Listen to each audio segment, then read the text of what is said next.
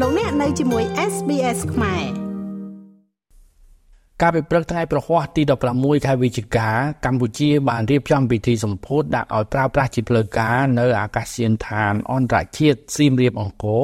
ដែលស្ថិតនៅក្នុងខេត្តសៀមរាបពិធីនេះបានធ្វើឡើងក្រោមអធិបតីភាពរបស់លោកនាយរដ្ឋមន្ត្រីហ៊ុនម៉ាណែត នេះគឺជាអាកាសយានដ្ឋានអន្តរជាតិទី3របស់កម្ពុជាបន្ទាប់ពីអាកាសយានដ្ឋានអន្តរជាតិភ្នំពេញនិងអាកាសយានដ្ឋានអន្តរជាតិកងកេងនៅក្នុងខេត្តព្រះសីហនុអាកាសយានដ្ឋានអន្តរជាតិសៀមរាបអង្គរដែលជាការវិនិយោគរបស់ក្រុមហ៊ុនចិនក្នុងទុនវិនិយោគ1100លានដុល្លារសហរដ្ឋអាមេរិកត្រូវបានបើកឲ្យដំណើរការកាលពីថ្ងៃទី16ខែតុលាឆ្នាំ2023មានទីតាំងស្ថិតនៅក្នុងស្រុកសូននិគមខេត្តសៀមរាប ដោយគ្របដណ្ដប់លើផ្ទៃដីប្រមាណជា700ហិកតា មានចម្ងាយប្រមាណជា40គីឡូម៉ែត្រពីប្រាសាទអង្គរវត្តនិង51គីឡូម៉ែត្រពីទីរួមខេត្តសៀមរាបព្រមទាំងរចនាឡើងពីការបញ្ចូលគ្នានៅវប្បធម៌ធម្មជាតិនិងភាពវៃឆ្លាត អាកាសយានដ្ឋានអន្តរជាតិសៀមរាបអង្គរមានលំដាប់ថ្នាក់នៃការហោះហើរប្រភេទ 4E ដែលអាចផ្ដល់លទ្ធភាពឲ្យយន្តហោះធុនធំ Boeing 747និង Airbus A340 ធ្វើការចុះចតបានដោយនឹងអាចមានលទ្ធភាពទទួលអ្នកដំណើរចំនួន7លាននាក់ក្នុងមួយឆ្នាំសម្រាប់ផែនការរយៈពេលខ្លីនិង20លាននាក់ក្នុងមួយឆ្នាំសម្រាប់ផែនការរយៈពេលវែង។ លោកហ៊ុនម៉ាណែតនាយរដ្ឋមន្ត្រីកម្ពុជាបានមានប្រសាសន៍ថាប្រលានយន្តហោះថ្មីនេះនឹងក្លាយជាសក្តានុពលស្រូបទាញដ៏ខ្លាំងក្លានិងសំខាន់សម្រាប់វិស័យទេសចរក្នុងខេត្តសៀមរាបនិយាយឡែកព្រមទាំងវិស័យទេសចរទូទាំងប្រទេសនិយាយជារួមការនេះនឹងអាចតេទៀងដល់វិនិយោគិនក៏ដូចជាផ្ដល់ប្រយោជន៍សេដ្ឋកិច្ចមូលដ្ឋានដល់ប្រជាពលរដ្ឋកម្ពុជាផងដែរពលានហោះដែលនៅឆ្ងាយពីក្រុងទីប្រជុំជននៅលើពិភពលោកមិនជាការអីចម្លែកទេ នៅកូរ៉េ Incheon ហ្នឹងពី Incheon មក downtown សេអ៊ូលហ្នឹងប្រហែល50គីឡូដូចគ្នាសវណ្ណភូមិថ្មីនេះមក downtown ប្រហែលជាជាង30គីឡូប៉ុន្តែអ្វីដែលសំខាន់នៅរឿងចម្ងាយវារឿងមួយប៉ុន្តែសំខាន់គឺការតភ្ជាប់ពីពលានទៅ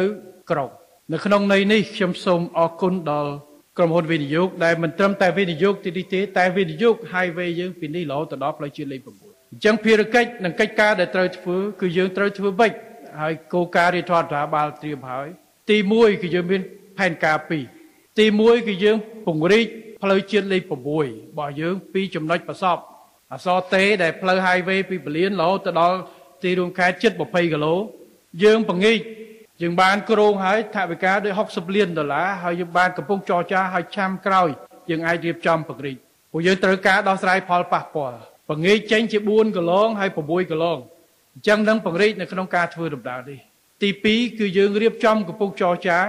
យកក្រុមហ៊ុនវិនិយោគដើម្បីធ្វើអតេះភ្លើងកម្រិតស្រាល monorail របស់យើង light rail system ពីពលានយន្តហោះនេះទៅក្រុងតែម្ដងដើម្បីសម្រួល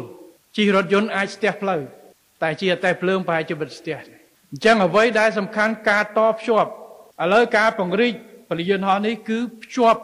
ទីខេត្តសៀមរាបជាមួយនឹងពិភពលោក ឥឡូវភ្ជាប់ពីកន្លែងពលានសៀមរាបទៅដល់ទីក្រុងថ្មីប៉ុន្តែយើងមិនទាន់អាចធ្វើម្ដងក្នុងពេលតែមួយប៉ុន្តែផែនការយើងជាក់លាក់នៅក្នុងការពង្រីកនេះបាទការតភ្ជាប់នេះសំខាន់ណាស់គឺធ្វើយ៉ាងណា កាត់បន្ថយចំណាយកាត់បន្ថយពេលវេលា រវាងការធ្វើដំណើរពីក្រុងមកដល់ទីនេះជាមួយគ្នានេះលោកនាយរដ្ឋមន្ត្រីហ៊ុនម៉ាណែតក៏បានប្រកាសថារាជរដ្ឋាភិបាលកម្ពុជាគ្រោងដាក់ឲ្យដំណើរការប្រព័ន្ធបំពេញបែបបតពេលមកដល់ electronic e-arrival នៅប្រលានយន្តហោះអន្តរជាតិសៀមរាបអង្គរដែលជាដំណើរការមុនគេមកអស់ដើម្បីសម្ដៅជួយសម្រួលទៅដល់ការបំពេញឯកសាររបស់អ្នកដំណើរនិងកាត់បន្ថយការប្រើប្រាស់ក្រដាស់ទៅជាការប្រើប្រព័ន្ធបច្ចេកវិទ្យាអេឡិចត្រូនិកជាមួយគ្នានេះដើម្បីធ្វើឲ្យវិស័យទេសចរនៅខេត្តសៀមរាបកាន់តែរស់រវើក លោកនាយរដ្ឋមន្ត្រីហ៊ុនម៉ាណែតក៏នឹងគិតគូរការតបភ្ជាប់ជើងហោះហើរត្រង់ទៅកាន់តំបន់ទេសចរមានសក្តានុពលនៅប្រទេសនានានៅលើពិភពលោកនិងពង្រីកវិសាលភាពបានព្រំដែនដើម្បីអនុញ្ញាតឲ្យភ្ញៀវទេសចរបរទេសមានលទ្ធភាពធ្វើដំណើរកម្សាន្តឆ្លងពីប្រទេសជិតខាងកម្ពុជា ចូលមកដល់ខេត្តសៀមរាបដែលជារមណីយដ្ឋានប្រាសាទអង្គរវត្តតែម្ដង ខ្ញុំបាទមេងផល្លាវិទ្យុ SBS ខ្មែររីកាពីរាជធានីភ្នំពេញចង់ស្ដាប់រឿងក្រៅបែបនេះបន្ថែមទៀតទេ ស្ដាប់នៅលើ Apple Podcast Google Podcast Spotify ឬកម្មវិធីដទៃទៀតដែលលោកអ្នកមាន។